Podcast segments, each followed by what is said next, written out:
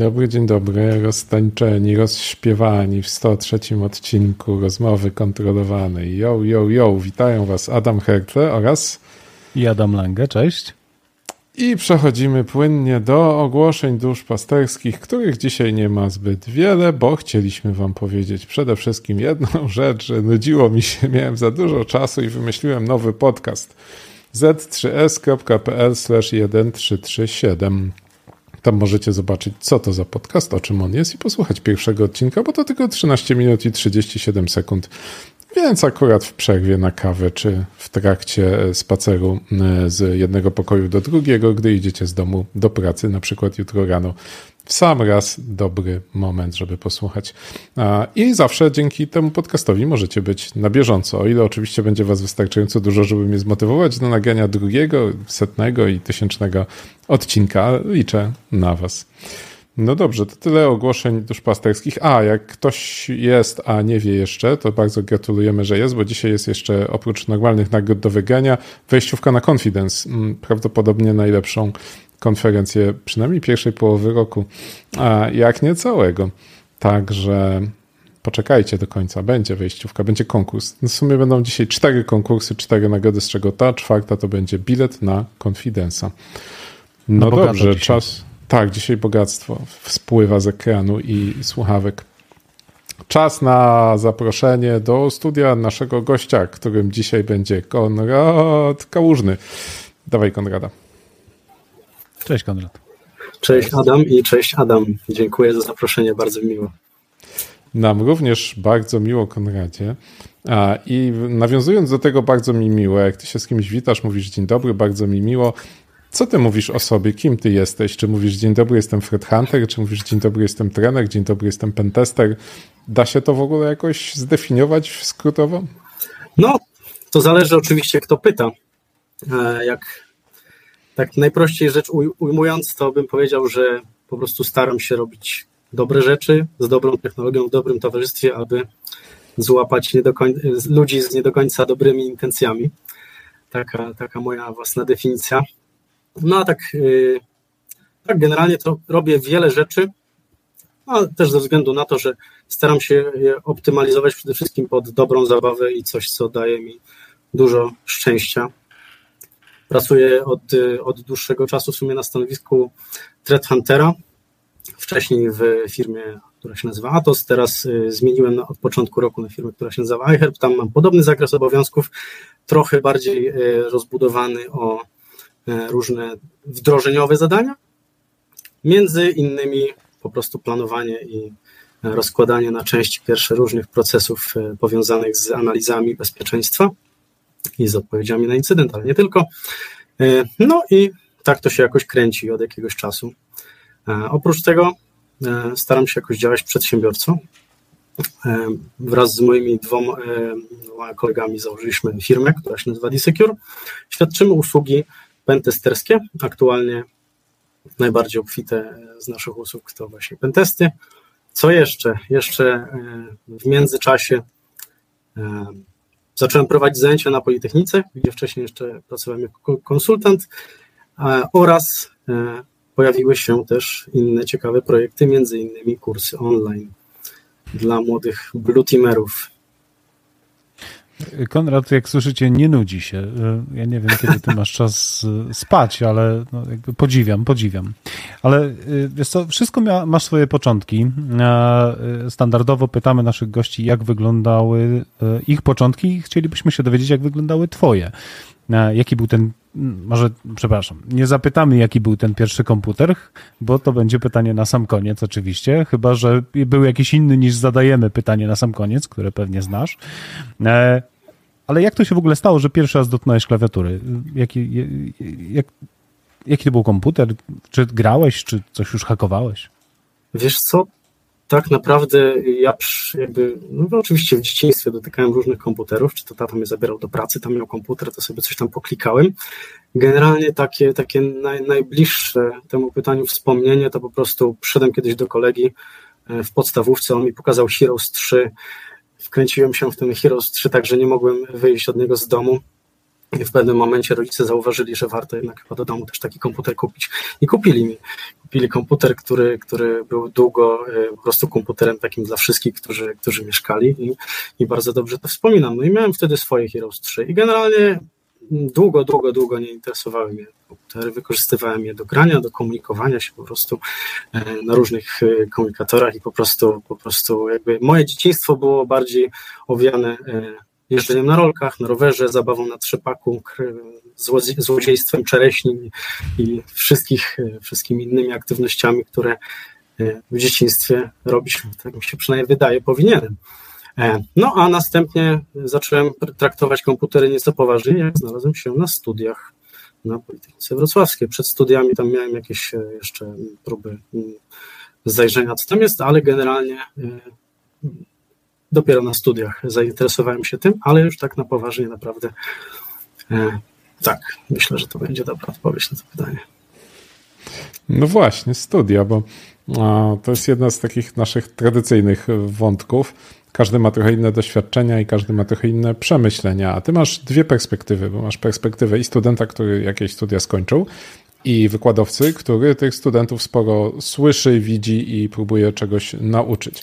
No i domyślam się, że odpowiedź na pytanie, czy warto w ogóle iść na studia, żeby się nauczyć czegoś o bezpieczeństwie, jako iż na nich wykładasz, to znaczy, że widzisz jakiś sens chyba w swojej pracy, bo inaczej byś się w to nie pchał.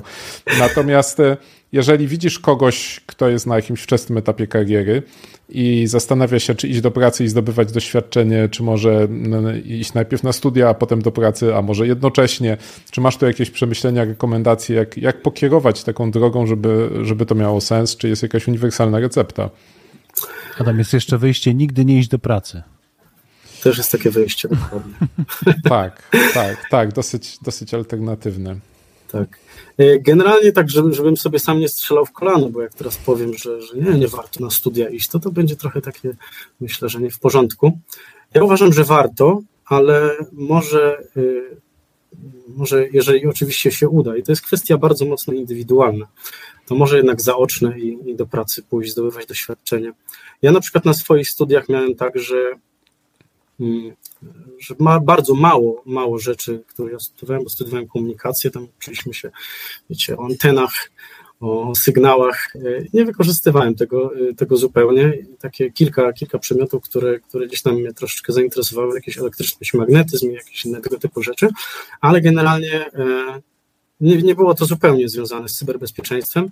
Ja po prostu e, w pewnym momencie e, dojrzałem do tej decyzji, że chyba, chyba właśnie to będzie cyber, z czym się wiąże jeszcze jedna dość ciekawa historia, ale generalnie e, po, na studiach też miałem kilka takich, takich przemyśleń, na przykład na, na kilku projektach zadawałem wykładowcom pytanie, dlaczego akurat tego my się uczymy, skoro oboje wiemy, ja i mój prowadzący ten projekt, że ja tego nigdy nie wykorzystam. Na przykład mieliśmy jakieś tam projekty z centralek PBX, E, co zabawne, e, potem te same centralki PBX spotkałem w maszynach hackdeboxowych z RCE gotowym, także miła niespodzianka. E, witam starych znajomych, dokładnie. No cóż, generalnie z studiami jest też ciężko, często taki problem, że ten program nauczania narzucony z góry nie pozwala na wprowadzanie aktywnych zmian. Ja prowadzę głównie projekty i staram się, żeby te projekty przeprowadzane przeze mnie y, były perełką w CV dla, dla moich studentów. Staram się dostosować pod realia takie, które się dzieją na rynku. Na przykład teraz prowadzę monitorowanie i detekcję zagrożeń i studenci mają zadanie na środowisku laboratoryjnym postawić sobie jakieś tam e, sensory czy sysmona, przekierować eventy do Splanka i napisać parę detekcji na wybrany sektor, na przykład zagrożenia. No i różne te projekty daje. Generalnie myślę, że, że ludzie są, są z tego zadowoleni i oczywiście czasem się spotykam z takimi, z takimi perełkami, że pan y, sąsiedni z wykładu powiedział, że tego się nie da wykryć, bo oni tylko grzebią w śmietnikach za, za, y, za kątami i numerami kont. Takie perełki się, się zdarzają, ale generalnie e, no staram się, staram się jakoś to, to prowadzić, żeby to miało po prostu sens, żeby taki student y, nie czuł się osamotniony jak już pójdzie do pracy, żeby trochę wiedział, co się jednak tam na tym rynku dzieje. Czyli warto studiować u ciebie. Dokładnie, tak bym powiedział, a co? u mnie warto. No ja naprawdę wkładam, wkładam, to, wkładam to w to dużo, dużo, dużo serca, ale, ale też pewnie jest, oczywiście, że są, są, są ludzie, którzy by pewnie zrobili to lepiej ode mnie. Pewnie tak, ale, ale, ale generalnie staram się i chciałbym też, żeby, żeby, żeby po prostu było, było lepiej. Nie? No dobra, wspomniałeś o tym pierwszym momencie, kiedy zacząłeś interesować się cyberem. O, to teraz y, opowiedz nam o tym. Oczywiście. To historia, historia była taka, że y, mój kuzyn już pracował w cyber. Oboje mieszkaliśmy w Wrocławiu, ale nie mieliśmy dość długo kontaktu. I w pewnym momencie zadzwoniłem do niego i zapytałem się, wiesz, może masz do, do polecenia jakąś robotę, bo już jestem na tych studiach. To był chyba drugi rok dopiero, albo nawet końcówka pierwszego i nie za bardzo się widzę gdziekolwiek tak naprawdę. To mnie, nie za bardzo mnie to ciekawi, coś tam ten. No i spotkaliśmy się, on opowiadał o tym, co w tym cyber robi. No, brzmiało to dość, dość dobrze, po czym e, przyszliśmy koło jego samochodu, mówię, a mam dla ciebie kilka książek. I wyjął taką ogromną torbę z kastorami i ona była cała wypełniona książkami. I myślałem, że mnie y, podwiezie, a on no, pojechał sobie. Ja po prostu z tymi książkami tak szedłem długo do domu, długo nad tym myślałem, pomyślałem, że to na pewno jest właśnie test takiej silnej woli. I po prostu wróciłem do domu i zacząłem je czytać. I tam były książki z różnych dziedzin. Były systemy operacyjne, sieci, e, dużo y, książek o routingu, książek o Active Directory i tak czytałem, czytałem, czytałem. E, I właśnie to, to, to, to był pierwszy krok, pierwszy krok z wielu, wielu na, na mojej ścieżce kariery, które jakby utwierdziło mi w przekonaniu, że ta droga jest dobra. Potem były inne, inne, inne kroki. Na przykład przy, przy mojej przy pierwszy dzień w, w zespole Security Operation Center nie za bardzo się jakoś tam nie za bardzo wiedziałem, co tu jeszcze będę robił, ale naprzeciwko mnie siedział taki Arek i tak zapytałem się, bo znaliśmy się trochę wcześniej, Arek, co tam robisz, może byś mi coś dał? No i Arek dał mi malware w JavaScriptie, taki opuskowany. Ja po prostu siedziałem cały dzień ręcznie go dopuskowałem. Przyniosło mi to taką satysfakcję, że to był kolejny element, kiedy utwierdziłem się w przekonaniu, tak, to jest to. Kolejnym elementem był na przykład incydent z KNF-em, jak był waterfalling KNF-u parę lat temu i po prostu wszyscy siedzieliśmy jak na szpilkach w, w, pokoju, gdzie ten incydent był analizowany i nagle CISO powiedział, blokujemy KNF i wszyscy, jest, hurra, w końcu. W każdym banku chyba wyglądało tak. to tak samo, w końcu to dokładnie. my ich, a nie oni nas. Dokładnie, dokładnie. No i tak, tak y, co, co tak naprawdę co jakiś czas otwieram sobie jakieś tam, staram się nowe, nowe, nowe drzwi, nowy zakres, zakres tego cyber dla siebie otwierać. A że mi się to nie nudzi, i sprawia mi to niesamowitą frajdę i wybieram sobie takie projekty, że one są bardziej pode mnie, a nie ja pod projekt. No i tak się kręci. Fajnie. Wspomniałeś właśnie o tej, o tej pierwszej pracy i z tego, co wyczytaliśmy w Twoim publicznie dostępnym CV, zaczynałeś bardzo tak kulturalnie od stażu na, w całkiem poważnym banku, bo w Santanderze. Jak to jest tak wejść i, i dostać taki staż? Co trzeba było zrobić? Jak to dzisiaj wy, wygląda zdobywanie stażu w branży bez doświadczenia w poważnym banku?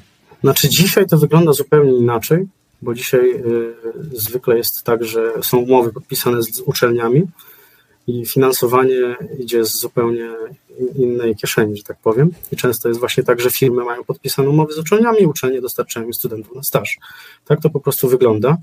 Y, jak ja się zatrudniałem, to sytuacja wyglądała troszeczkę inaczej, bo jako tak, swoją pierwszą pracę jednak trochę się musiałem na te rozmowy nachodzić. I za, zacząłem po prostu tak e, obserwować, że niekiedy w niektórych firmach to jest po prostu taki festiwal ego na tych rozmowach, że e, twoi rozmówcy chcą pokazać e, po prostu swoje jakieś tam mocne punkty, to musisz tego słuchać. I byłem na paru rozmowach takich właśnie, które, które się nasłuchałem tych dużo mocnych punktów.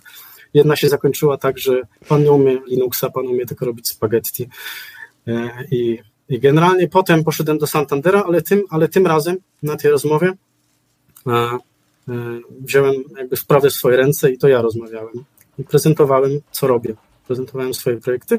No a przy okazji znałem już e, kilku ludzi z takiego, z takiego community technology risk management, coś tam. Chodziłem, chodzałem do takiego, do siedziby Green Towers na takie spotkania, bo jeszcze jak byłem studentem i tam się po prostu uczyłem od ludzi i rozmawiałem z nimi. No i tak w końcu, jak miałem do wyboru y, dwie różne firmy i Santander, który wbrew pozorom wy, wyglądał najmniej atrakcyjnie, to jednak ze względu na to, że znałem tam parę osób, poszedłem do, do Santandera i nie żałuję, było super. Pomimo, że staż był skrócony o dwa miesiące, bo nagle się otworzy, jakoś magicznym trafem otwierał się tam sok i wskoczyłem sobie do soka. I powiem szczerze, że nie, nie sądziłem, że na tym stażu yy, jakby pójdę już do pracy, a nie, nie bardzo, nie, nie, nie, będę kontynuował studiów bez pracy. Ale że to był ostatni semestr moich, moich studiów i mieliśmy w soku dużo nocek, dało radę. Ten festiwal Ego był, był przezabawny. Jak, jak to opisywałeś, to sobie przypominam niektóre takie sytuacje. Tak, to bardzo ciekawe są takie rozmowy, gdzie przychodzisz posłuchać o tych po drugiej stronie. Tak. To no to tak właśnie. Zabawnie jest, że jak nie mają racji, to wtedy też jest super zabawne. Nie?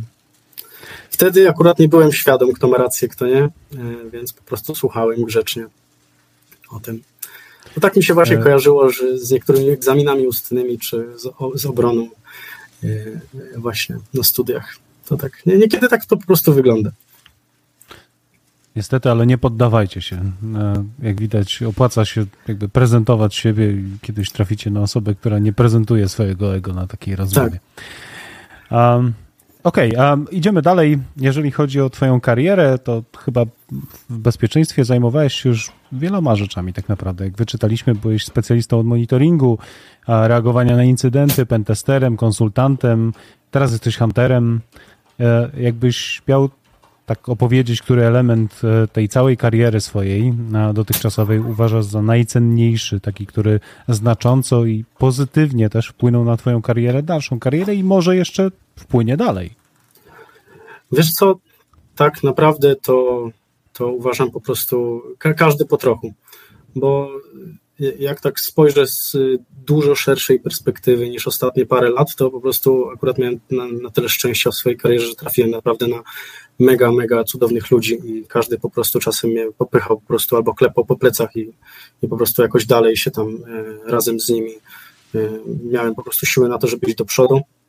E, a tak, takim kluczowym elementem, chyba ten, który wprowadził najwięcej rewolucji, w to, co robię, było zatrudnienie się w, właśnie w Atosie. Ja tam się zatrudniłem jako, jako specjalista od forensika.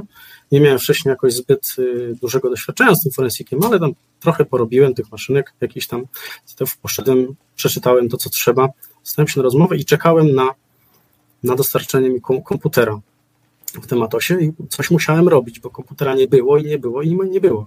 Więc miałem tylko swój komputer, komputer, który służył do komunikacji i na tym miałem jeszcze oczywiście wirtualne maszyny.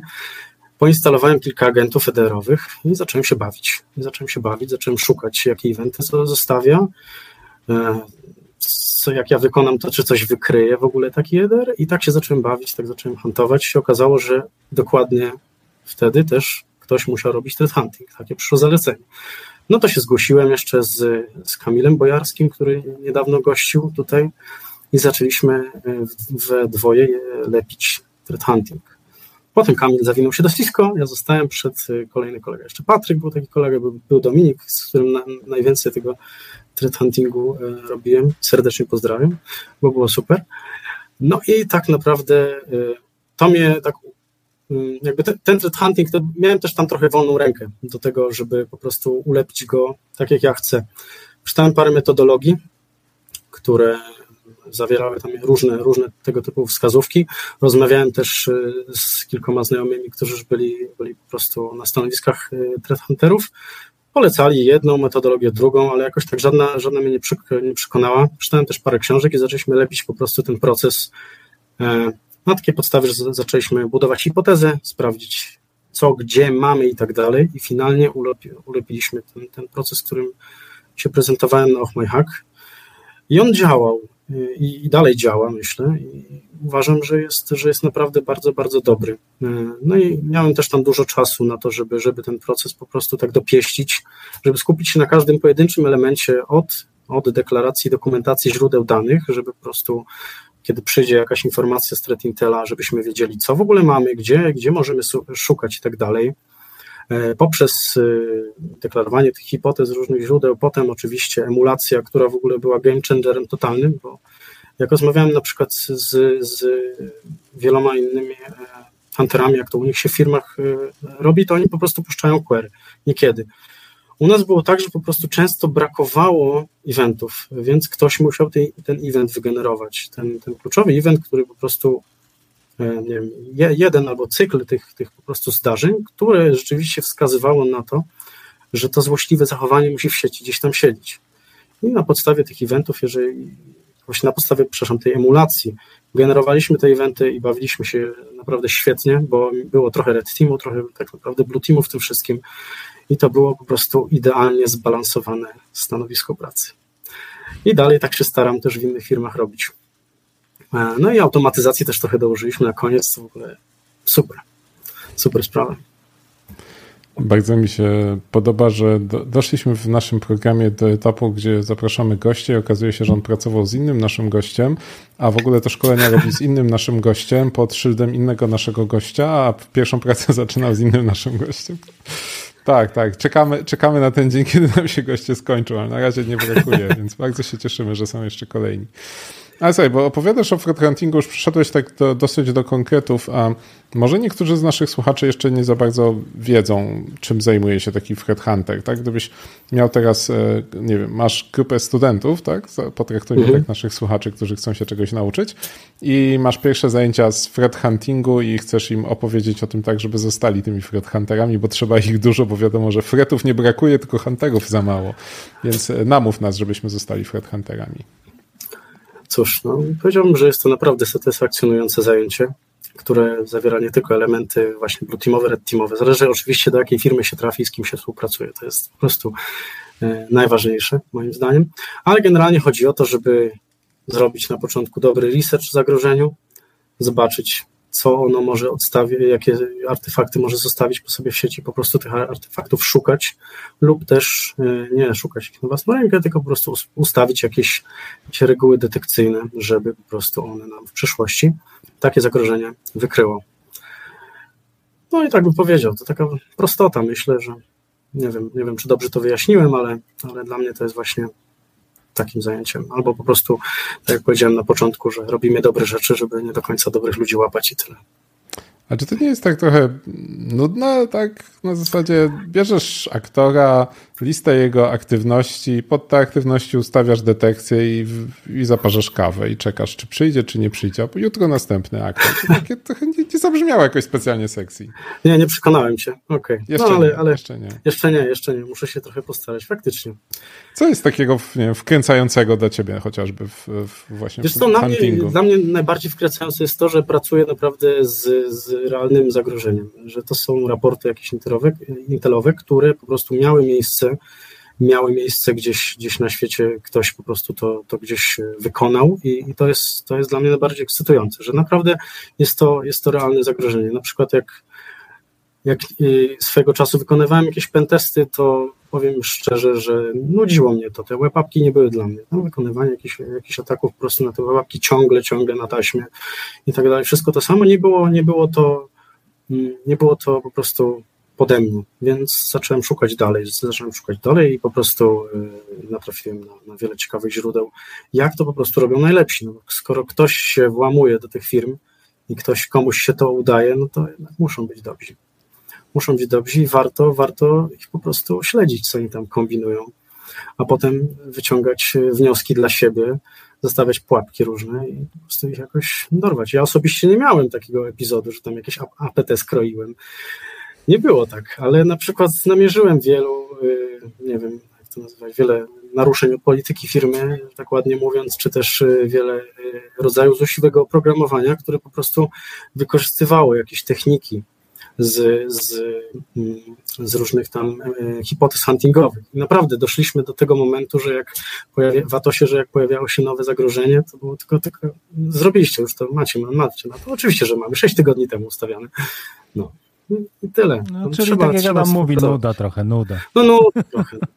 jak się robi dobrze, to jest nudno, tak? Tak, tak. E, no dobra, ale y, wiesz, hunting y, może być fajny i tak jak w przypadku, mm, wiesz, ludzie mają mm, jakieś wyobrażenie o tym huntingu, że szukasz przestępców w sieci, tak, i jakichś tam artefaktów. Mm, y, tak jak w przypadku pentestingu czy red teamingu, wszyscy się jarają tym, tak? Tak jak ty jesteś podjarany huntingiem, to jest fajna sprawa, no ale są też, y, tak jak Adam wspomniał, jakieś minusy Huntera, tak? Minusy pracy jako threat hunter.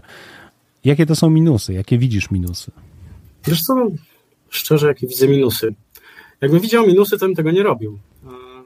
Naprawdę to plusy, plusy przeważają generalnie. I mi się to podoba, że, że naprawdę jest coś takiego, że możesz sobie ustrukturyzować tą pracę i naprawdę dowiedzieć się, co, co w tej sieci, co tam w ogóle gra, y, jakie są źródła danych, co możesz tutaj usprawnić.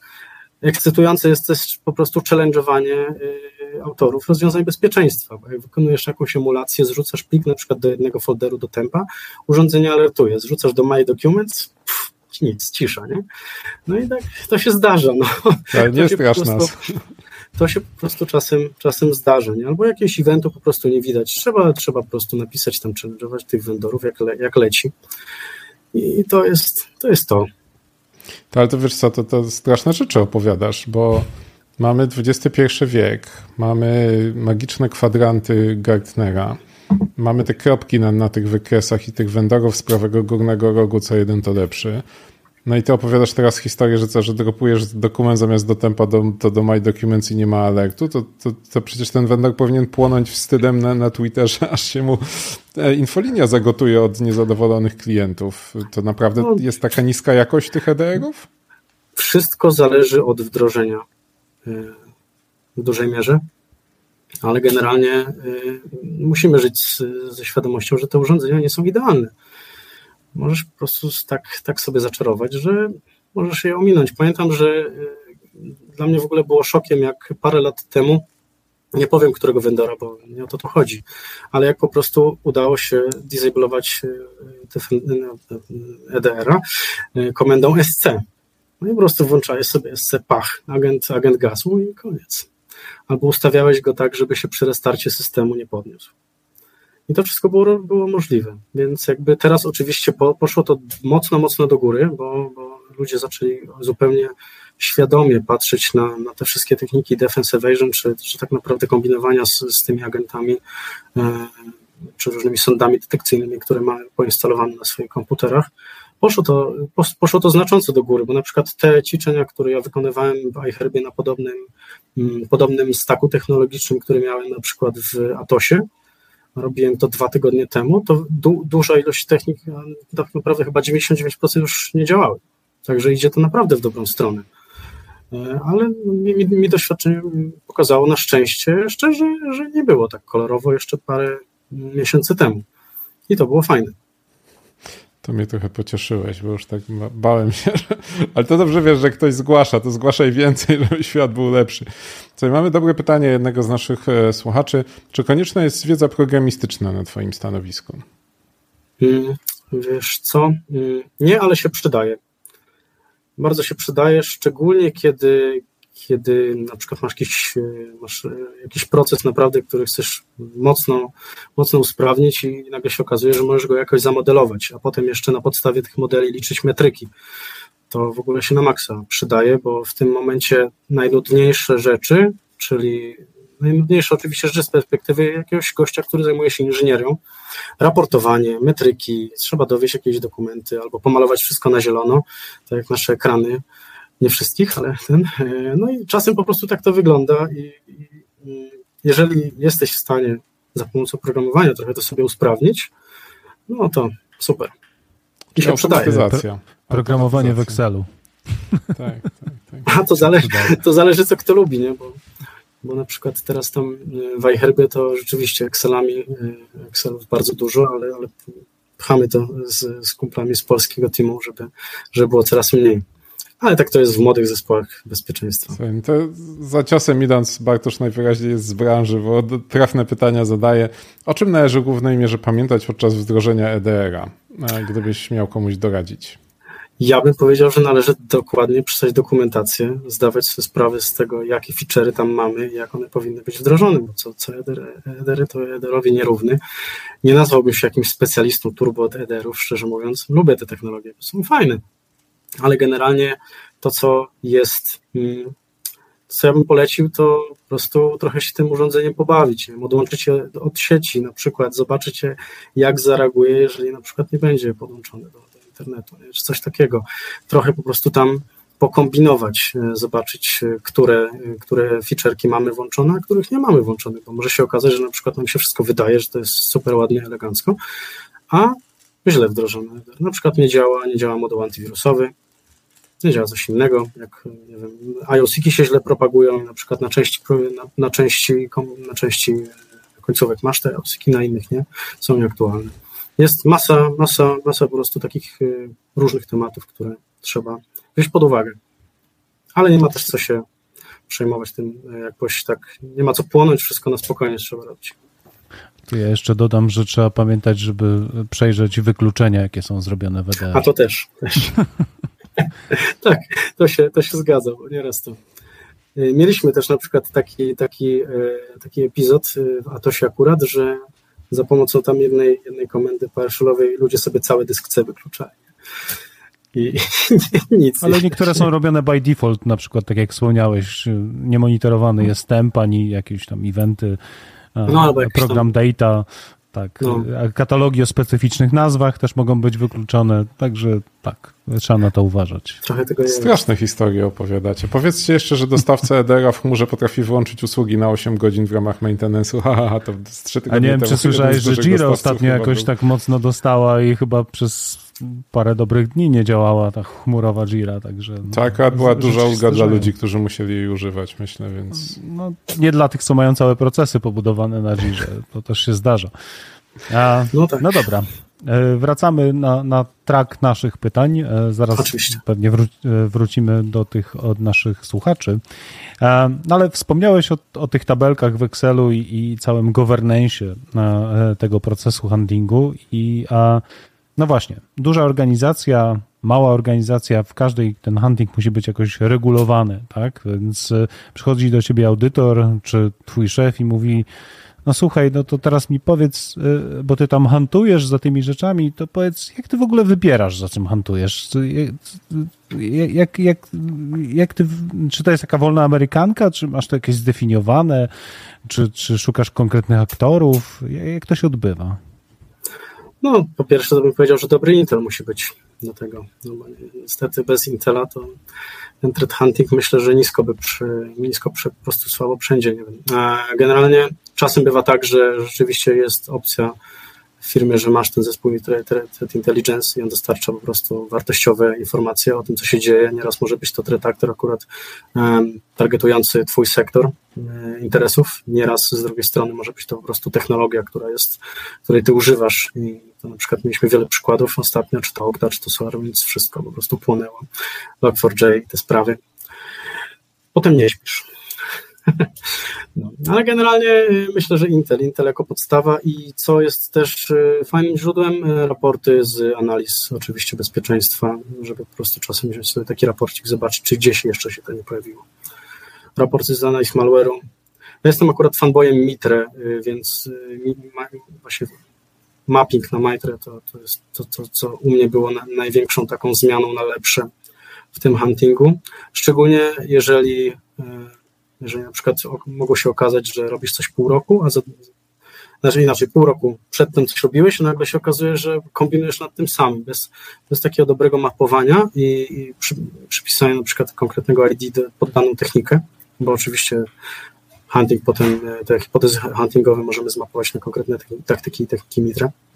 No i to, to zmienia dużo. To zmienia bardzo dużo. Taki właśnie research, czy to technik, czy to, czy to intelowy, polecam serdecznie. A taki research czy trigger dla huntingu związany z incydentem też się zdarza? Też, oczywiście. Po prostu po, po incydencie tam analitycy znaleźli jakieś artefakty i, i w tym momencie szukamy, czy może gdzieś jeszcze się podobna aktywność nie pojawiła. Podobne konto zarejestrowane, jakieś takie na przykład z dolarem, którego nie widać, no zdarza się. Bardzo fajne pytanie od e, Pawła odnośnie threat huntingu w środowisku software as a service bez on-prema usługi cloud native. Czy to jest różnica, czy to jest coś, e, co, co normalnie wchodzi w zakres chociażby Twoich kompetencji, czy, czy branży, czy to jest jakaś nowość, czy jak, jak w ogóle wygląda to on-prem czy on-cloud w zakresie właśnie threat huntingu? Powiem szczerze, że ja z, z huntowaniem w cloudach nie miałem za dużego do czynienia niestety jeszcze. Głównie się skupiam na endpointach, chociaż w firmie, w której obecnie pracuję, coraz więcej cloudowych rozwiązań się, się pojawia. E, te logi są tam zbierane, ale szczerze mówiąc, nie wiem, jakoś tam jeszcze nie miałem po prostu okazji, okazji zajrzeć. Mam na to plany oczywiście w przyszłości, ale jeszcze nie zaglądam cloudu aż tak, nie? Człowiek Czyli przy najbliższej na konferencji może, możecie zadać ponowne to pytanie. Na pewno dostaniecie już odpowiedź, bo Konrad lubi się nowych rzeczy uczyć, więc podejrzewam, że będzie miał już te odpowiedzi niebawem. Się okaże.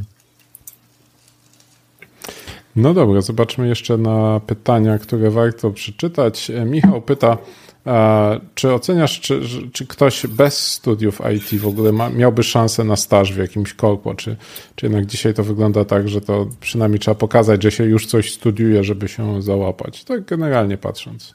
Powiem szczerze, że to zależy od tego, kto zatrudnia. Ja bym zatrudniał, naprawdę. Bo jakby widzę, widzę to, co się dzieje na rynku, widzę to, jak ogromne teraz są możliwości edukacyjne, których ja na przykład nie miałem i sam też próbuję dostarczać i, i pomagać y, pomagać po prostu młodszym kolegom w tym, żeby po prostu się, się lepiej, lepiej czuli w tym IT, żeby to nie było właśnie takie wrzucenie osamotnionego człowieka do, do pokoju pe, pe, pełnego specjalistów, tylko po prostu, żeby, żeby po prostu było to ogromnie dostępne. I uważam, że to jest po prostu faj, fa, fajne. Nie? I generalnie też wiele ludzi, nawet bez, bez studiów IT, ja y, po, po jakimś tam wywiadzie rekomenduję też do, do różnych firm, bo to się po prostu zdarza. Nie? Po prostu ludzie piszą, że, słuchaj, no na przykład zrobiłem taki taki kurs tu na Tryhackie i stuknęłam na przykład 111 maszynek, co, co ty na tym? Dla mnie bomba, no bo, bo jeżeli ktoś potrafi w dwa miesiące na przykład y, zrobić tyle, tyle rzeczy, to,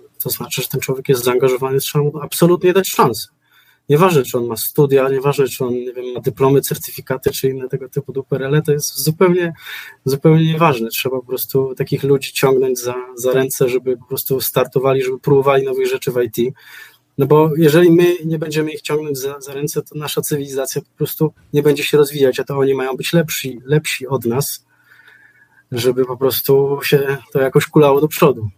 Także jak najbardziej. Ja bym zatrudnił, ale nie wiem, wiesz, no, ja to tym decyduję często. Ale masz, masz jakiś swój przyczynek do tego. Bardzo mi się podobało to właśnie twoje podejście, że trzeba ludziom pomóc i, i, trzeba ich wciągnąć i nauczyć, bo ktoś to musi robić, jak my już pójdziemy na emeryturę. Opowiedz coś więcej o tym kursie, który razem z Łukaszem pod szyldem Maćka robicie. Wiesz co, no to jest tak naprawdę kurs dla, dla ludzi, którzy, którzy mają docelowo pracy na pierwszej, drugiej linii soka. Tam jest poruszane wiele, wiele jakichś takich aspektów, y, których ja na przykład jako analityk y, przychodzący do pracy nie miałem pojęcia, a dowiedziałem się dopiero po jakimś czasie i czasem nawet dłuższym czasie.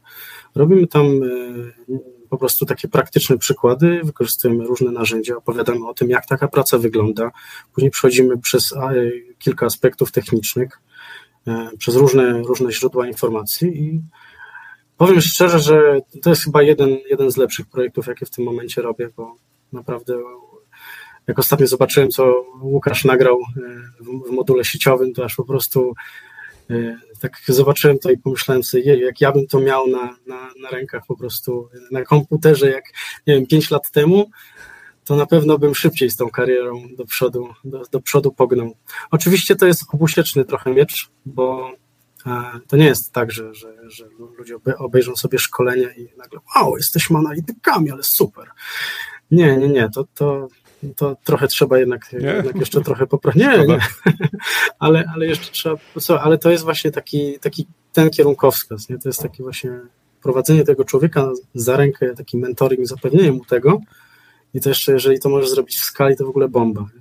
Długo myślałem nad tym projektem, Chciałem go robić na początku solo, a potem się okazało, że mogę to zrobić jeszcze z, z wspaniałymi innymi ludźmi w ogóle się cieszę na maksa. Także, no, pobudek mam...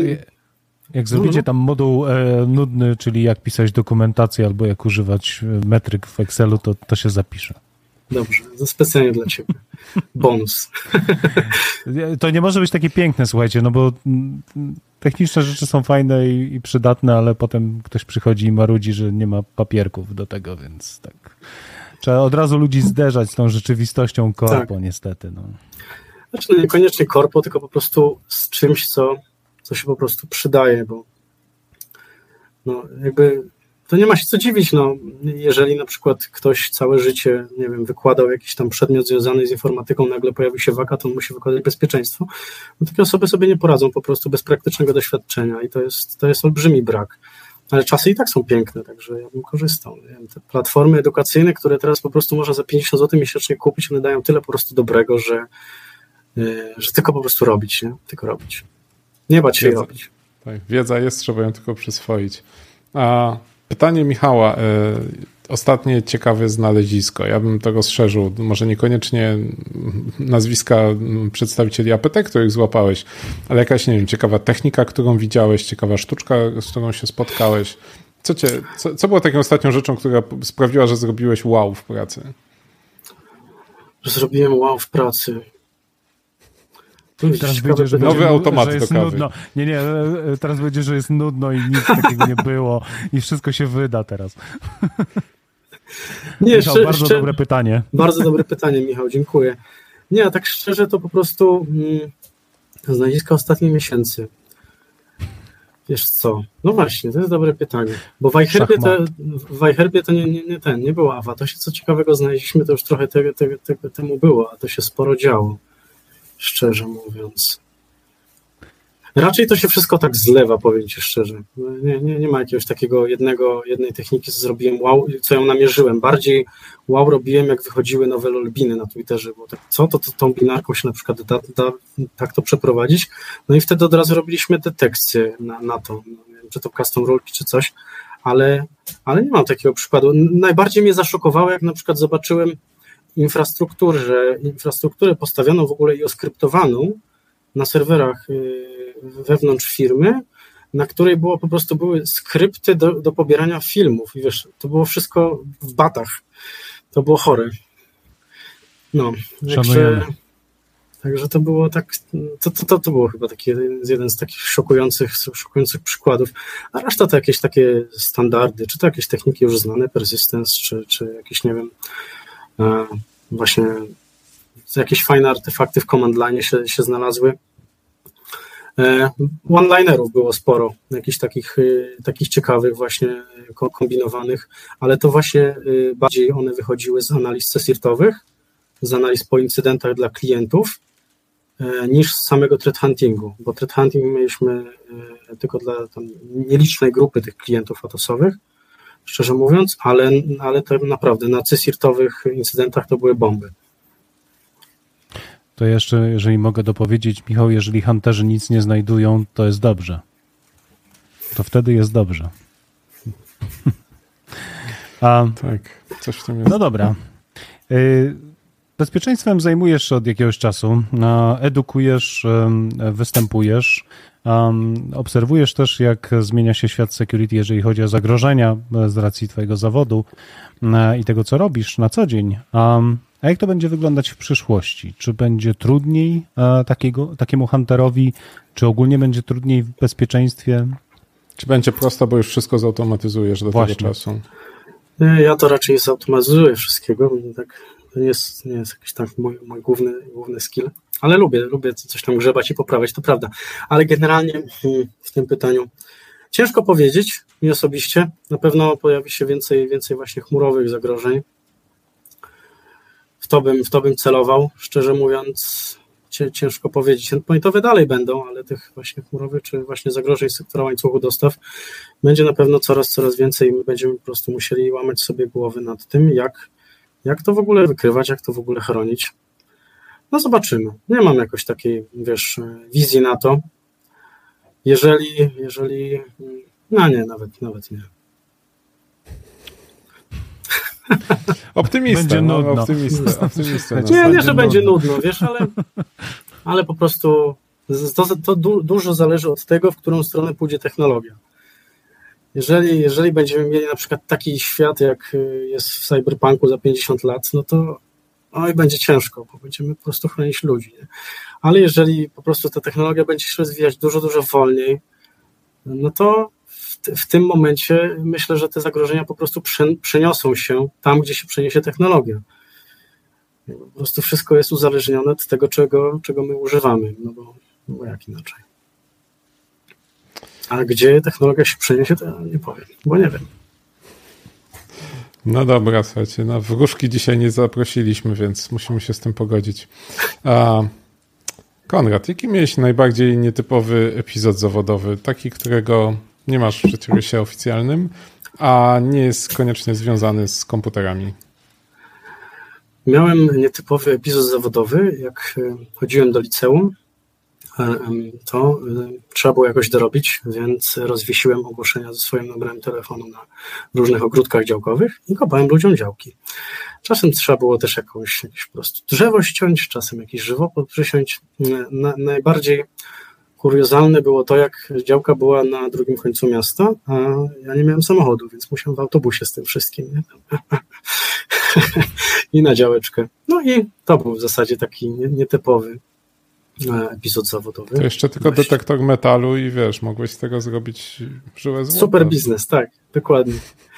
Potem by coś innego garnął. Z, z takich e, ciekawszych, może bardziej, bardziej zabawnych historii miałem akurat tu nietypowy epizod zawodowy związany z komputerami, ponieważ projektowałem stronę internetową, jeszcze będąc studentem dla szkoły jazdy, w której robiłem prawo jazdy, za jakieś tam oczywiście darmowe godziny. No i był to jeden z właśnie pierwszych projektów, który robiłem i nawaliłem strasznie dużo byków ortograficznych. Po prostu tam był błąd na błędzie, a już trzeba było ten, pro, ten, ten po prostu y, projekt, y, były, tak powiem, odbiory. No więc się wdzwaniam na, na, kola z, z tym gościem, który mi to zlecił i myślałem, że no, on, on tam wcześniej dał, dawał znać, że ma parę uwag do mnie i myślałem, że właśnie będzie zaraz o tych błędach ortograficznych, że jak ja mogłem taką stronę wypuścić na świat. I mówię, co, to błędy? On mówi, nie, nie, błędy, wiesz, chodzi mi o obrazki. Ja mówię, co się dzieje z obrazkami? On mówi, a wiesz, bo tu auta mamy. Ja mówię, no tak, przekleiłem te grafiki, które miałeś z poprzedniej strony i ten. I on mówi tak, Mówi, wiesz co, ja bym chciał, żeby, żeby jakieś ładne panie koło tych aut były. I tak, czy mógłbyś mi to dla mnie zrobić, nie? Przy mnie nie użył słowa ładne panie, ale powiedziałem, że w Photoshopie się nie specjalizuję niestety. Taka historia. No to ciekawe faktycznie.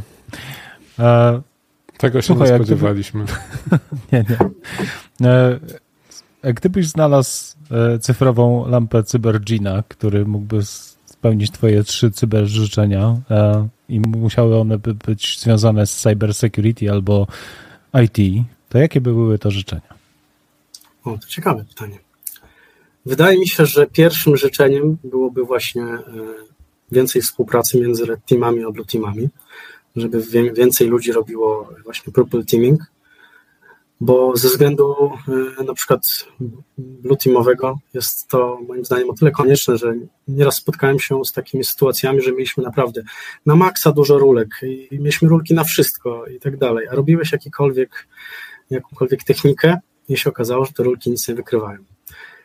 Także to by było pierwsze, pierwsze życzenie, e, żeby właśnie więcej tej współpracy obustronnej, żeby red teamerzy właśnie bardziej w stronę blue teamu przeszli, żeby nie było tylko, że o, mamy fajną technikę i wam nie pokażemy tutaj, e, jak to ten, jak to możemy was tu po prostu e, wykiwać, a z drugiej strony, żeby właśnie też zespoły blue teamowe więcej, żeby tej równowagi tutaj było. Bo to, to rzeczywiście to, to brakuje, brakuje tego, brakuje tego czy to tam, czy ktoś praca, pracuje po prostu jako detection engineer, trzaska te detekcje na podstawie własnych doświadczeń, czy na podstawie Sigma rulek po prostu i potem mamy na przykład nie w ciągu miesiąca 90 detekcji jest super, a potem się okazuje, że 80 z nich to tak nie bardzo działa. Więc przyda się, przyda się ten, ten, ten właśnie ta emulacja zagrożeń tutaj. To by było pierwsze życzenie. Mm. Drugie, żeby nam się chciało wszystkim E, pod tym kątem, że pomimo, że, że świat nie sprzyja i żyjemy właśnie w takim dość cudownym okresie, że to wszystko jest na miejscu, dostępne, nie musimy za, za bardzo się trudzić, żeby otrzymywać jakieś tam nagrody i wydaje nam się, że jak już zrobimy, nie wiem, 10 CTF-ów, to będziemy mm, hack, hackstorem masterem, żeby właśnie nam się chciało więcej e, odkrywać nowych rzeczy. E, nowych rzeczy i to po prostu nie tylko związanych z security, ale, ale inne też. pomimo właśnie tych, tych czasów, e, które są ryzykowne, są piękne, ale są ryzykowne, bo, bo jeżeli e, nie będzie nam się chciało, no to możliwe, że i ludziom się ogólnie nie będzie chciało, możliwe, że nie zawędrujemy tak daleko, jakbyśmy mogli. Także tutaj ciekawość i chęci do, do odkrywania. Trzecie życzenie Gina. Myślę, że przydałby się porządek w social mediach z dezinformacją i, i, i może, może trochę z, z jakimś tam mm, udostępnianiem, udostępnianiem różnych, różnych po prostu informacji e, w social mediach i też e, e, jakością publikowanych źródeł, bo, bo to ostatnio jak to ostatnio trochę moim zdaniem kuleje i, nie zrozumcie mnie źle, każde działanie jest naprawdę, naprawdę dobre, ale niekiedy możemy po prostu przez dezinformację narazić wielu, wielu ludzi na, na niebezpieczeństwo, szczególnie w, w świecie cyber, jeżeli, jeżeli postujemy treści. A jak tu szybko zrobić audyt, cyk, cyk, trzy minuty i gotowe, no to potem przecież może taki e, gość, który stoi przed wyzwaniem audytu bezpieczeństwa, pomyśleć sobie, no tak, no przecież tutaj już tak powiedzieli, że to takie proste i się okazuje, że, że nie jest takie proste. No się po prostu e, po prostu zrobi to niedobrze i nie będzie miał, nie, nie będzie miał bezpieczne, bezpieczeństwa, będzie miał po prostu jakiś ser dziurawy i, i tyle będzie. Więc tak, trzy... skanerkiem i już, nie? No, tak, no właśnie nie, nie, do końca, nie do końca. Nieraz, nieraz takie treści się widzi i ja jestem oburzony. Oficjalnie. Wiesz, no, oficjalnie jestem oburzony, żeby to, nie grajmy w teleturniej Limbo, że tam co tydzień spróbuj jeszcze niżej, nie? No nie o to chodzi. To nie o to chodzi. A to dobre było, to dobre. Tak? No dobra. A gdybyś nie pracował w bez, cyberbezpieczeństwie, to co byś robił? Ciężko powiedzieć, bo ty wiesz, ja, ja, tak naprawdę zaczynając swoją pierwszą pracę w bezpieczeństwie, nie wiedziałem, że ja będę pracował w bezpieczeństwie. Po prostu spróbowałem, spodobało się i jestem. No, e, co bym mógł robić jeszcze?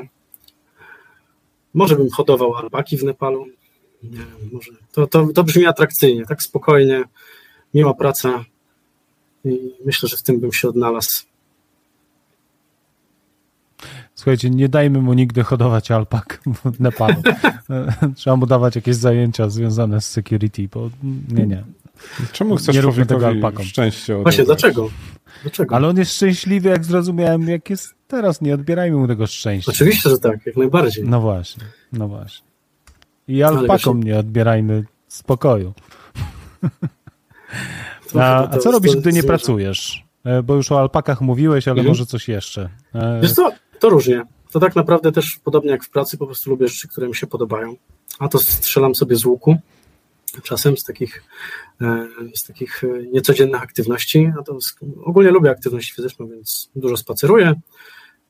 To jest też jeden z takich fajniejszych nawyków, które, które w tym roku wprowadziłem. Że rzeczywiście tych spacerów jest dużo i przy takim natłoku wrażeń i zadań, które mam, pozwala mi się to rzeczywiście wyciszyć i przemyśleć sobie, sobie pewne sprawy i podejmować kluczowe decyzje, szczególnie właśnie przy, przy prowadzeniu jakichś tam interesów, y, czy to w Disecure, czy to też po prostu podejmować y, wiele decyzji zawodowych z, chłodną głową. To mi na pewno, na pewno bardzo pomaga. Czy tam aktywność fizyczna. Maluję też trochę obrazów. Czy tam, no to, to się zdarza, to się zdarza rzeczywiście. No, cieszę się życiem. Tam w zasadzie nie ma, nie ma jakiegoś takiego hobby w stylu, nie wiem, krótkofalarstwo czy cokolwiek takiego, e, które mnie jakoś tak specjalnie porwało. Po prostu próbuję nowych rzeczy i sprawdzam, czy pasują do mnie, czy też nie. Jak spotkacie na mieście spacerującego człowieka z łukiem, to pozdrówcie Konrada. I z alpaką. Dobra. Na jakim systemie pracujesz na co dzień? Na Windowsie. Na Windowsie. Mam jednocześnie w sumie w ciągu dnia tak przekładam trzy komputery. Dwa, dwa mają Windowsa, jeden ma Maca, e, macOSa. I tyle. Windows jednak, Windows mi się najbardziej podoba. Wszystko mi działa i jestem zadowolony, szczególnie, że jest WSL, to jeżeli mam coś tam Linuxowego do zrobienia, to szybko pyk, pyk i wszystko. Każdy malware działa, więc jest spoko ogólnie. No. Można detonować, emulować, wszystko można. Wszystko. I ostatnie z naszej listy pytanie, Commodore czy Atari, mój drogi? Oj, jak wyście mieli Commodore i Atari, to ja na chleb mówiłem PEP, więc szczerze mówiąc nie mam pojęcia, żadnego, żadnego z tych urządzeń nie dotknąłem. Ostatnio byłem też u, u takiego swojego kolegi, który zbiera konsole retro, on mi powiedział, że użytkownicy Atari jeżdżą Ferrari, a ja powiedziałem, że wolę PlayStation od Xboxa. Więc, e, ale dobra, skoro on mówi, że jeżdżą Ferrari, to wybieram Atari i zobaczymy. Kto miał Atari? Hmm. Adam. Widać. Widać, A, ale to no użytkownicy no Atari jeżdżą Ferrari, to, to tego nie słyszałem. To dobre jest. Szanuję. Jeszcze, jeszcze skończył, że użytkownicy Commodora używają traktora ale myślę, że, że to pie, pierwszy człon jednak tej rymowanki to mnie przemówił tego drugiego. Do, do wyciągania Ferrari z rowu. Dokładnie. Ha, ha, ha. Może tak być, nie wiem, nie znam się. To nie moje czasy. Pocieszaj się, pocieszaj. Um, no dobrze. Konradzie, skończyliśmy zadawać Tobie pytania. Czas, żebyś Ty zadał pytanie naszym słuchaczom. Ja tylko przypomnę reguły naszego konkursu. Po pierwsze, odpowiadacie tylko na czacie YouTube'a. Bez względu na to, gdzie nas słuchacie, musicie wejść na kanał zaufanej trzeciej strony na YouTube i tam znaleźć transmisję na żywo. I tam możecie brać udział w konkursie, bo tylko te odpowiedzi zaliczamy. Po drugie, decyduje kolejność, którą widzimy w naszym oknie. U Was może być inna, widzimy podobno tą obiektywną, tak przynajmniej chcemy w to wierzyć. I po trzecie, jeżeli ktoś już daną nagrodę wygrał, w tej rundzie odpuszcza, a mm, będziecie w tej chwili grać o kamerkę Stick Up Cam Battery Ringa, sponsora nagród w naszym konkursie, który przy okazji rekrutuje. Link do rekrutacji Ringa znajdziecie w artykule na zaufanej trzeciej stronie z zapowiedzią tej audycji. Więc kamera Stick Up Cam Battery może trafić w Wasze ręce, jeżeli znajdziecie odpowiedź albo znacie już odpowiedź na pytanie Konrada. Konradzie. Oczywiście. wyświetlaj Konrad, a ty... Ja je zadam, elegancko będzie. Dobrze. Jaki ruch wojskowy polegał na zwodzeniu przeciwnika przez otwarcie bram miasta i ukrycie wojsk podczas najazdu? I na jakim instrumencie grał znany fikcyjny dowódca podczas wykorzystywania tej strategii? Temat bardzo na czasie. Każdy Polak jest już strategiem wojskowym, więc możecie się teraz wykazać.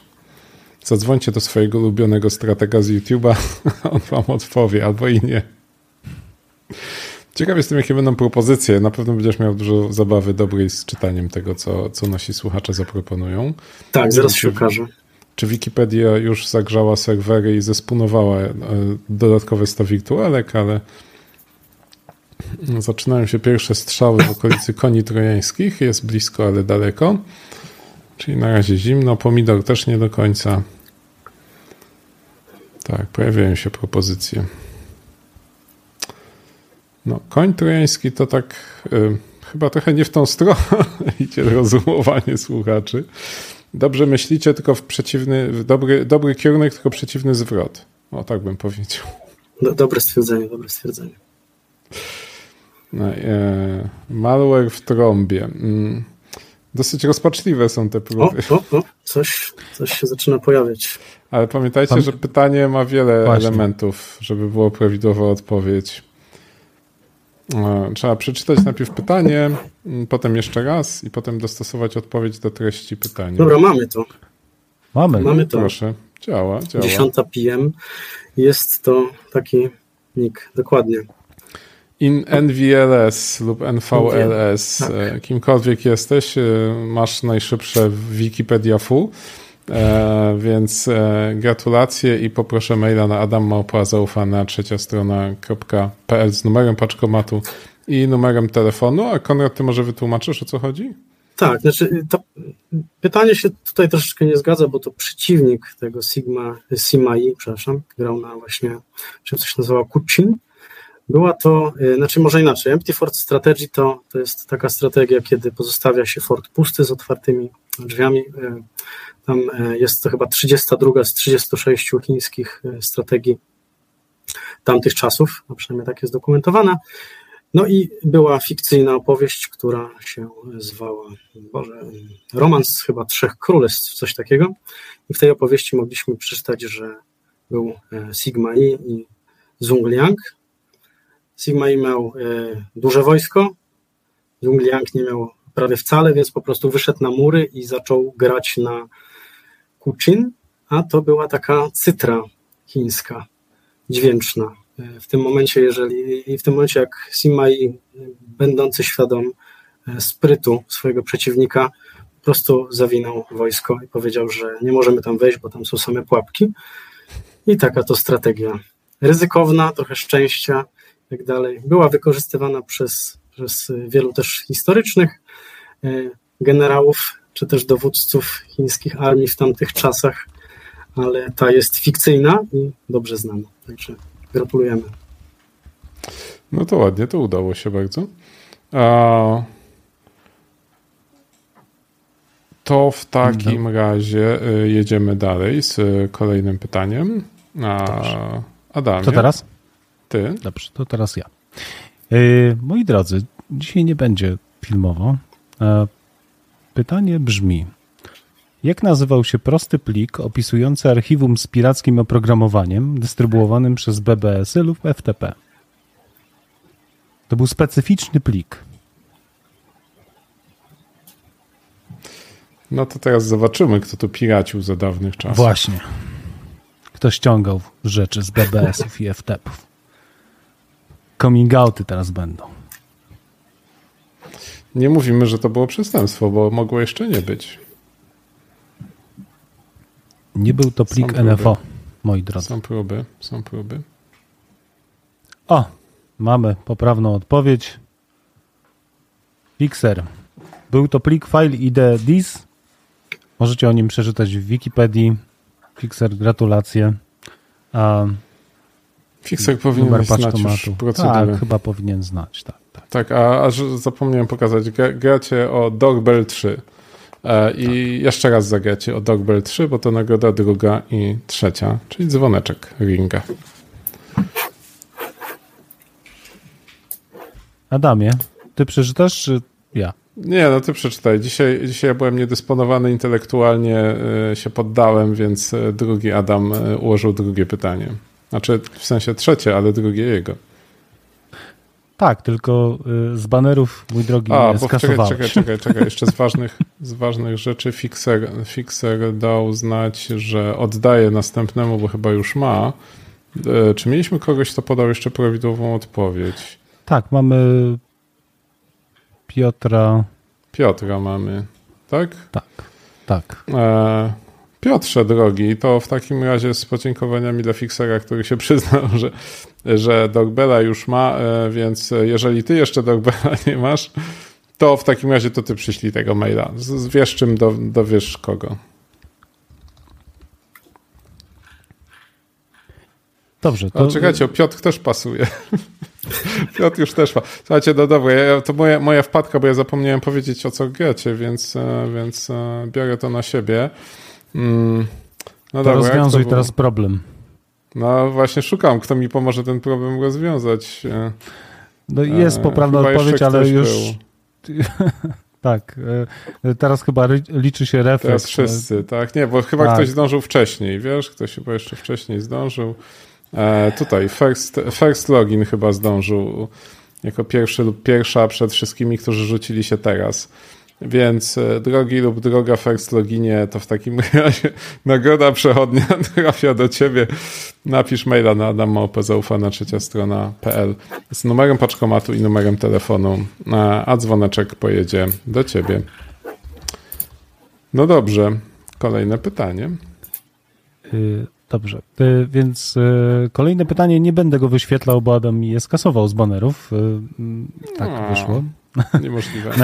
Słuchajcie, był sobie, właściwie jest taki aktor, Hugh Jackman się nazywa, który grał postać Wolver, Wolverina e, w, jakiś czas temu. I ten, też, tenże aktor grał też w filmie o hakerze. O hakerze i e, podajcie tytuł tego filmu oryginalny, ale też podajcie, kto był, e, nazwa aktora, który był głównym złym w tym filmie.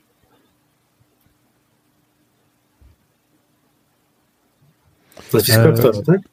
Tak, pytanie tak. ma dwa, pytanie ma dwa tak. elementy, tak? E, pytacie, czy duże kamejki się już skończyły? Tak, duże kamejki się już skończyły, teraz rozdajemy już tylko małe kamejki. Dobrze, mamy prawidłową odpowiedź. Jaki tak. zacny nick XD. E... Film nazywał się Swordfish, czyli po polsku kod dostępu, nie wiem jak oni to przetłumaczyli, a ryba głównego miecz. złego, a ryba, ryba miecz właściwie. E, głównego złego grał John Travolta.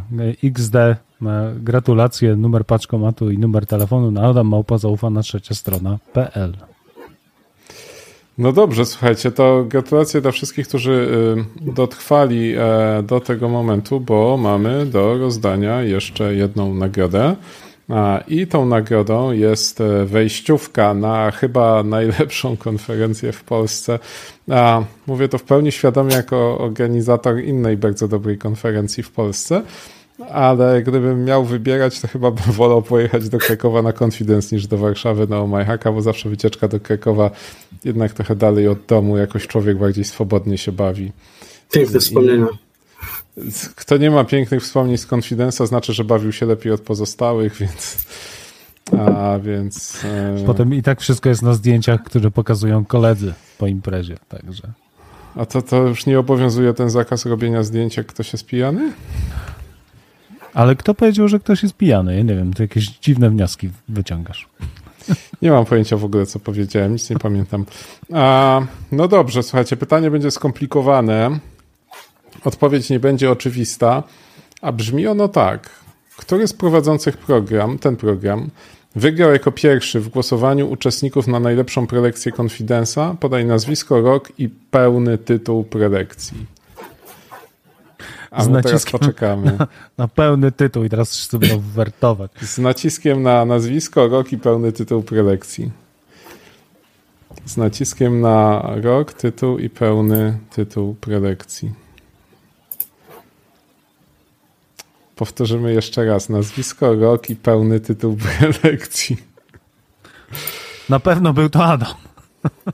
Tak, dlatego pytamy o nazwisko, nie o imię. Oh, come on.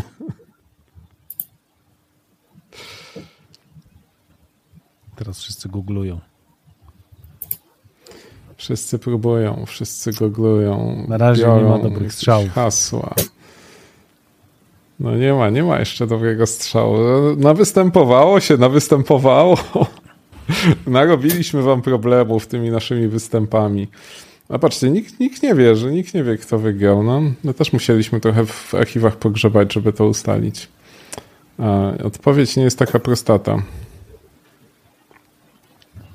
Są pewne próby, ale są to próby nieudane jak na razie.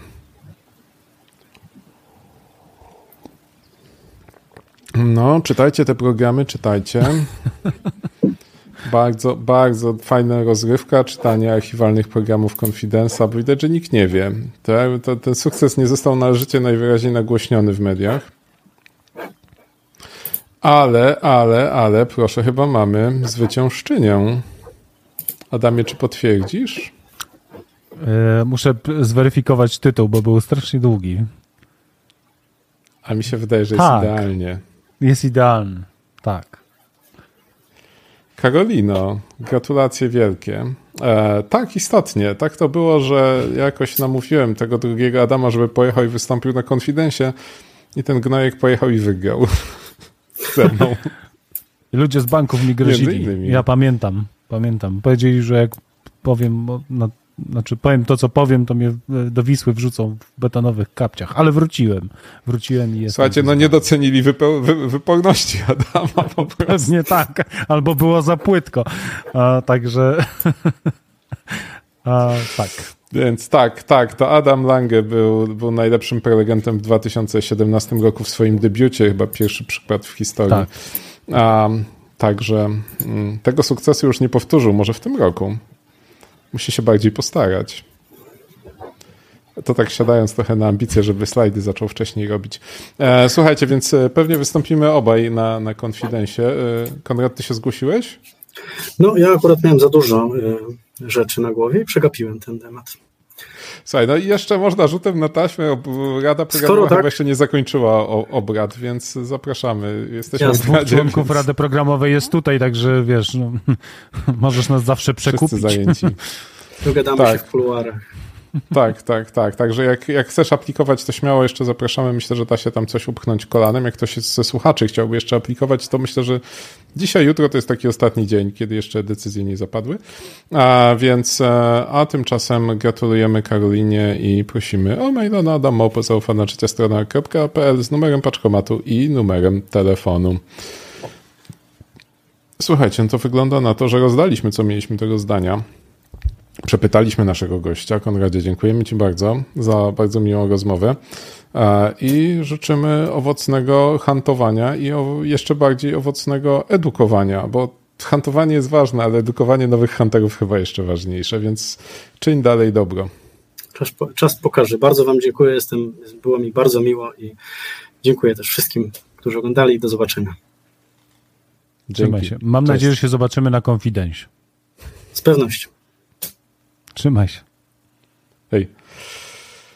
A my jeszcze wracamy na moment do ogłoszeń e, duszpasterskich, bo chciałem wszystkim przypomnieć, którzy jeszcze nie słyszeli, że 13 minut i 37 sekund informacji o tym, co ciekawego w zeszłym tygodniu działo się na świecie, czeka na Was w moim wykonaniu pod adresem z3.pl 1337. Chyba jest łatwo zapamiętać. A więc tak, tak, to jest nowy podcast. Tak, może będą jeszcze jakieś odcinki. E, tak, no będą, będą. Na razie Wam się chyba podobało, więc, więc będą. Przynajmniej jeszcze jeden nagiem. E, natomiast jeżeli ktoś przegapił któryś z moich ostatnich webinarów, to pod e, wideo zaufana trzecia strona.pl albo pod e, z3.pl też wideo o, tak, teraz widać na ekranie z3.pl wideo jako skrócony link. Znajdziecie również, można za darmo obejrzeć webinary o dezinformacji i o cyberwojnie. Można oglądać, śmiało, zapraszam. A, a za tydzień widzimy się oczywiście o 21. I jeżeli chcecie nas e, posłuchać w innym miejscu niż YouTube, Facebook lub LinkedIn, to pod live.zaufana trzecia strona.pl znajdziecie linki do platform podcastowych, na których można to zrobić. A tak, jeszcze tego zwierzaczka trzeba by było. Zaraz momencik, bo się gdzieś ulatnił. Jeszcze padło pytanie do ciebie, Adamie, na, na czacie. Tak? Tak. Patrzę. Y, jeżeli chodzi tak, o wysyłkę. Dotarły, dotarły. Adam robił podcast, tak. więc y, nie miał czasu. Tak, no właśnie, no właśnie. Wyślę wszystko pewnie jutro. Jak, jak, jak, ktoś jest z Warszawy i lubi pakować kartony, to się zgłoście, dogadamy się. Bo, bo to jest taka najmniej wdzięczna część rozdawania nagród, że, że mam tego pół piwnicy i muszę to co chwilę pakować i to jest... No nigdy nie znajdę na to czasu. To jest naj, najlepiej obmonitorowana piwnica, bo ma tam tyle tych kamerek. tak, tak, tak. E, gdyby się tylko nie kłóciły jedna z drugą. Dobra, e Słuchajcie, yy, ważna informacja. Stefan jedzie na konfidensa. Załatwiłem mu wyjściówkę. Tak naprawdę to będę go przemycał w plecaku, nie mówcie organizatorom. Więc Stefan będzie na konfidensie. Jeżeli ktoś chce poznać osobiście Stefana, yy, uścisnąć mu łapkę, posmyrać za łóżkiem, to musicie pojechać też na konfidensa, bo on nigdzie indziej nie jeździ. No, on po prostu ucieszył się, że konfidens jest w końcu fizycznie i powiedział, że jak go nie zabiorę do Krakowa, to on więcej nie wystąpi w audycji. To był taki mały szantaż emocjonalny, ale oczywiście no, nie musiał szantażować. Wiadomo, że go zabiorę do Krakowa. Więc y, Stefan będzie ze mną i może nawet będzie na scenie. Słuchajcie, może a może nawet, może nawet zrobimy rozmowę kontrolowaną z konfidensą odcinek specjalny, ale to się zobaczy. To się, to zobaczy. się zobaczy, to się zobaczy, bo ta logistyka jest dosyć skomplikowana, ale będziemy próbować. Będziemy próbować, tak. I będzie ze Stefanem. I może też z wami, jak dołączycie. A na razie musicie poczekać do następnego tygodnia, gdzie zobaczymy się w 104 odcinku rozmowy kontrolowanej. Trzymajcie się. Cześć.